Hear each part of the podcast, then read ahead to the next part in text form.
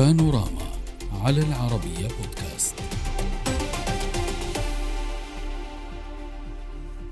يسلط اتفاق عودة العلاقات الدبلوماسية بين السعودية وإيران الذي تم برعاية ووساطة صينية على احترام سيادة الدول وعدم التدخل في شؤونها الداخلية وهو ما يمثل نقطة مفصلية ومحورية في تحقيق الاستقرار الإقليمي.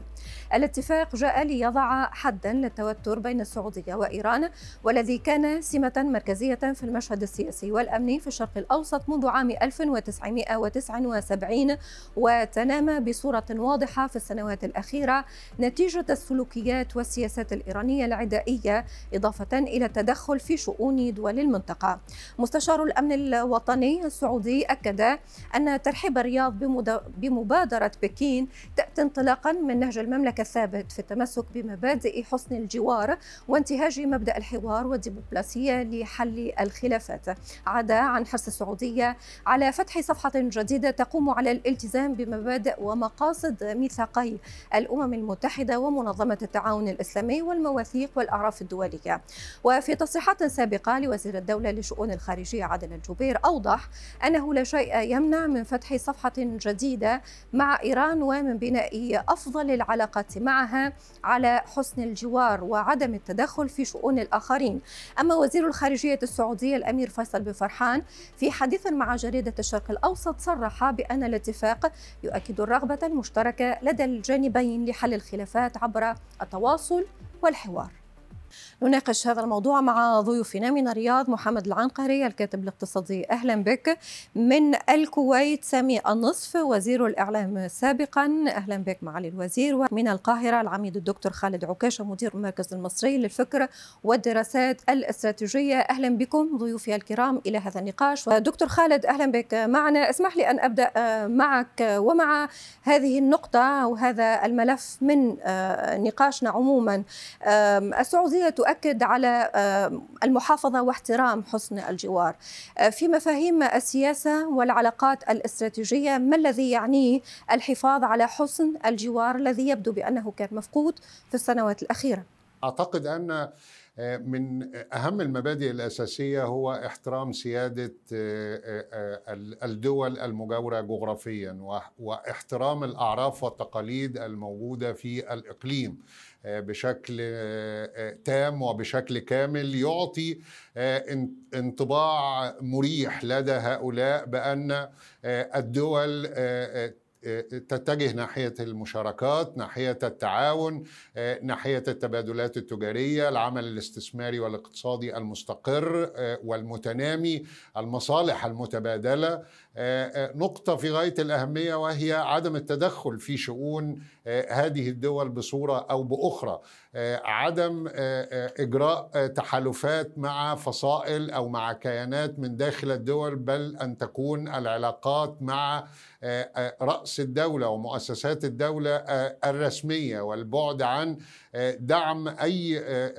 فصيل أو نزاعات قد تعتري بعض من الدول. حسن الجوار يلزم الدولة الموجودة في منطقة بها هذا الشكل أو هذا النمط. من النزاعات الداخلية في الدول أن تحترم الدولة الجارة هذه النزاعات وتنأى بنفسها عن الدخول لمساندة طرف لصالح طرف آخر وأشياء من هذا القبيل الذي نعم. تتداوله الأروقة الدولية طوال الوقت وتحاول أن تحث الدول على أن تلتزم بقواعد القانون الدولي وأن تكون العلاقات الدبلوماسية في إطارها القانوني المتعارف عليه الذي يضمن مصالح الجميع وأن يكون لكل دولة شأنها في إدارة مسؤولياتها واعتباراتها الأمنية. نعم. أستاذ سامي إلى أي مدى مهم وضع مفهوم حسن الجوار كمبدأ لإنجاح هذه الاتفاقية؟ وما الذي يجب أن يحترم لتحقيق هذا المبدأ؟ هل فقط الجانب الأمني أم أن هناك جوانب أخرى عليها أن تكون حاضرة أن تحترم لإنجاح الاتفاقية ومن خلالها البناء عليها؟ الحقيقة أنا أتصور أنه هناك شق ثلاثي يعني لو أتينا شرعا نجد أن هذه التداخلات قد أضعفت الدول الإسلامية. الدول التي فجرت بسبب هذه المداخلات هي دول إسلامية وبالتالي بهذا التدخل به إضعاف للإسلام. ويعني أعتقد أن إيران لا تود إضعاف الإسلام إنما ناتج العمل هو إضعاف للإسلام. ضعفت العراق وضعفت سوريا وضعفت لبنان وغيرهم. واليمن الحال كذلك. هذا من الجانب. الجانب الإنساني معروف أن قضية الجوار سواء كانت للأفراد أو للدول. قضية هامة أنه دائما أن أحسن علاقتي بجاري حتى عندما أريد أمر ما سأجد الدعم والمؤازرة. وفي هذا السياق نعلم أن الدول الخليجية بإمكانها وبقدراتها اللي ذكرت منذ قليل قاربت مستوى دول العالم الأول. أن تساهم وتساعد إيران ب طرق عديدة يعني اليوم القدوة بالتعليم والصحة والاستثمار والصناعة وغيرهم وغيرهم موجودة بالخليج، بالتالي يمكن لنا كجيران لإيران أن ندعم إيران، يبقى الشق الدولي والقوانين والمواثيق الدولية، قضية التدخل بشؤون الدول الأخرى يرقى بالمفهوم الدولي إلى إعلان حرب.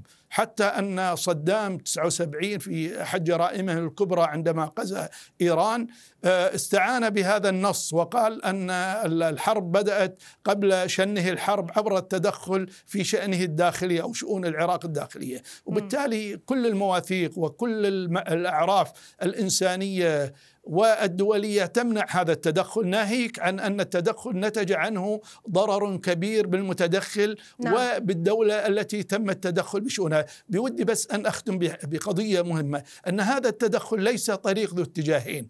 يعني إحنا لم نرى دول خلي... لم نرى المملكة ولا دول خليجية تتدخل بالشأن الإيراني أو بشؤون الدول الأخرى وتنشئ ميليشيات وغيرها. وبالتالي هو طريق ذو اتجاه واحد متى ما أوقفت أو اقتنعت قناعة إيران بأن هذا النهج قد جرب لأربعين عام وانتهى بالضرر بإيران بالدرجة الأولى وبالدول التي تم التدخل بها. أنا أعتقد جزء كبير من الإشكال سينتهي ونبدأ بصفحة جديدة يكون الكاسب الأكبر بها إيران سواء كان شعبا حكومة دولة. الجميع سيربح من العلاقة الجديدة متى ما كانت هناك جدية بتطبيق الاتفاقية. صحيح الجدية مهمة جدا. أستاذ العنقري نحن صحيح نتحدث عن مرحلة تاريخية شهدت اختلافات وخلافات عديدة بين الطرفين إيران والمملكة العربية السعودية آه، وهناك اتفاقية لحل هذه الخلافات. ولكن التاريخ الثنائي شهد كذلك تقارب وكانت هناك حتى علاقة تجارية استراتيجية اقتصادية آه، متينة خلال سنوات. ما أهم القطاعات التي يمكن الحديث عنها؟ في إطار الجيرة وفي إطار آه، تبادل تجاري يفيد المنطقة. يعني بالنسبة لإيران هي ستستفيد من آه، كثير من المنتجات في المملكة بالذات في مواد البناء. آه، وأيضا بعض المشتقات البتروكيماوية رغم أنها دولة نفطية وغازية ولكن ليس فيها استثمارات كافية لأن تنتج مواد ممكن استخدامها. بالإضافة طبعا إلى التبادل التجاري فيما يخص المنتجات الزراعية. إيران بلد يعني آه، لديها أراضي زراعية ولديها قدرة على إنتاج زراعي ضخم آه، إضافة إلى المنسوجات بالإضافة طبعا إلى أن العلاقة فيما يخص قطاع العمرة والحج أيضا هذا يخلق فرصة كبيرة لزيادة التبادل التجاري من خلال يعني رحلات على مدار العام تخدم قطاعات الإيواء وقطاع نعم. النقل آه، هذا بشكل آه، آه، مبدئي. ولكن ممكن أن تتطور هذه العلاقة التجارية في المستقبل لأن السوق الإيراني سوق ضخم. ولكن بالتأكيد هو يعاني من سياسات اقتصادية يعني فاشلة بنهاية المطاف.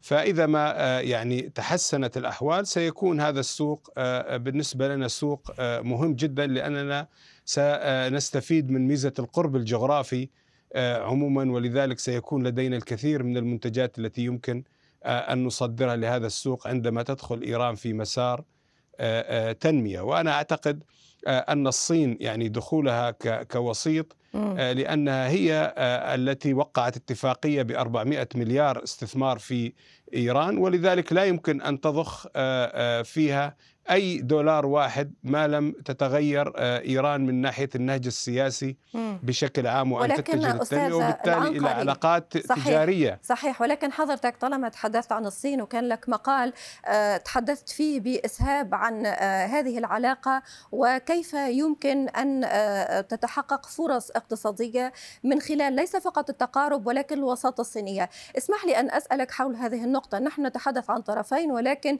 كذلك الطرف الثالث جد مهم. نتحدث عن وساطة صينية. كيف يمكن الاستفادة من هذه الوساطة اقتصاديا؟ اولا الاستفادة هي من أن الصين اليوم أصبحت يعني تضع نفسها كقطب آه، حقيقي ليس فقط اقتصادي بل بدأت تخرج آه، كقطب أيضا مؤثر في السياسة الدولية وهذه أول عملية وساطة من هذا النوع تقوم بها الصين وبالتالي مصداقيتها على المحك. هي بالتأكيد لها اليد الطولى على إيران لأن إيران المنقذ الوحيد لاقتصادها عمليا آه، هي الصين ولم تستثمر حتى الآن من ال 400 مليار إلا 182 مليون دولار وهذا بسبب العقوبات على آه، آه، إيران وبسبب أيضا سياساتها وسوء علاقاتها مع جوارها. وبالتالي فإن وجود الصين كشريك تجاري في الشرق الأوسط ب 200 مليار دولار مع دول الخليج ومنها أكثر من 80 مليار مع السعودية وحوالي 14.6 مليار فقط مع إيران هذا يعطي الأفضلية بأن الصين تريد أن تعزز قوتها في هذا السوق الضخم الذي يمدها آه، بالطاقة والذي يعتبر أيضا نافذة مهمة لها ويقربها آه، من أفريقيا ومن أوروبا في حال ضخت استثمارات في آه، البنى التحتية والقطاعات اللوجستية وقطاعات صناعية مهمة سواء في الخليج أو حتى في إيران، ولذلك أنا أعتقد أن هذه الاتفاقية بنيت على أسس تدعم آه، إمكانية آه، تطبيقها آه، بشكل كبير لأن المصالح نعم. بالنهاية مصالح كبيرة، إيران تأتي من موقف ضعف ومن موقف أنها بحاجة إلى أن تتنفس اقتصاديا ونحن هنا في الخليج نحن متقدمين نعم. وتربطنا في الصين علاقة قوية وبالتالي أصبحت هي الطرف المفضل خصوصا أنها هي عضو في مجلس في دائم في مجلس الأمن نعم. ولكنها الطرف الأفضل لمثل هذه الاتفاقية أن تكون آه، وسيط. صحيح. دكتور خالد هذه التنمية وهذا الازدهار الذي سنتحدث فيه بعد قليل بأكثر تفاصيل ولكن آه، لن يتحقق إلا آه، إذا ما كانت المنطقة آمنة. ويقال بأنه في السياسة ليس هناك عدو دائم ليس هناك صديق دائم. لن نصل لمرحلة الصداقة ولكن لمرحلة الاحترام. كيف يمكن لإيران وللسعودية أن يتحقق الأمن من خلالهما؟ في المنطقة ولهما كذلك آه، في هذه المرحلة بهذه الاتفاقية. آه، يعني هذه نقطة في غاية الأهمية وربما هي تمهد المشهد لما هو قادم ولما ينتظره الجميع. آه، بشكل شفاف تماما المملكة طوال تاريخها وطوال هذه السنوات آه، كانت آه، لاعب استقرار آه، في اتجاه الأمن الإقليمي. تاريخها ومواقفها في الإقليم تشهد على ذلك في كثير من الملفات المفتوحة في الإقليم أو حتى على المستوى الدولي. لكن بالنظر إلى إيران أعتقد أن الباب الذي فتحته المملكة باستعادة العلاقات معها في هذه اللحظة وهذا الترحيب الإقليمي آه، بإنجاز هذه الخطوة أظنها آه، تدفع إيران إلى قدر من مراجعة النفس بشفافية والتعامل بواقعية ومصداقية مع آه، نتيجة مشروعها الذي كانت تتبناه طوال السنوات الماضية وتدرك تماما بواقعية شديدة. نحن لا نبالغ عندما نقول بأن المشروع الإيراني قد وصل إلى نقطة انسداد كبيرة جدا والأرقام والمشهد السياسي والأمني يتحدث عن ذلك بوضوح. آه، آه، إيران تحتاج إلى أن تراجع نفسها بشكل كبير كي آه، تنتقل إلى ما بعد استعادة العلاقات مع المملكة السعودية ومع نعم. دول المنطقة إذا إذا كان هناك فرصة لذلك مسألة إعادة الاعتبار إلى سياسة وسيادة الدول وعدم زرع الاحتقانات المذهبية التي لم تعرفها المنطقة قبل هذا المشروع الإيراني وهي نقطة وهي تاريخ حقيقي آه، آه، العالم كله يتغير فيه. فلا آه، يعني لا يوجد حرج في أن تغير إيران من نهجها بعد أن وصلت بمشروعها إلى هذا المشهد الذي يتابعه العالم. ومشهد المناطق التي حاولت إيران أن تكون هذه المناطق والدول الجغرافية هي مسرح لهذا المشروع. نعم. بعد الوصول إلى هذه السمعة على المستوى الدولي من أعتقد أن هذا الباب الجديد الذي فتح أمامها يعطيها فرصة كي تقدم نفسها بوجه جديد آه، بسياسة جديدة بمشروع توافقي بمشروع يعزز ويدعم من الأمن الإقليمي بدلا من أن يخصم منه أو نعم. آه، يكون آه، باعثا للتوتر أو الاحتقان أو غيره. شكرا جزيلا لضيوفي الكرام محمد العنقري الكاتب الصحفي دكتور خالد عكاشه مدير المركز المصري والأستاذ سامي نصف وزير الإعلام سابقا السلام عليكم.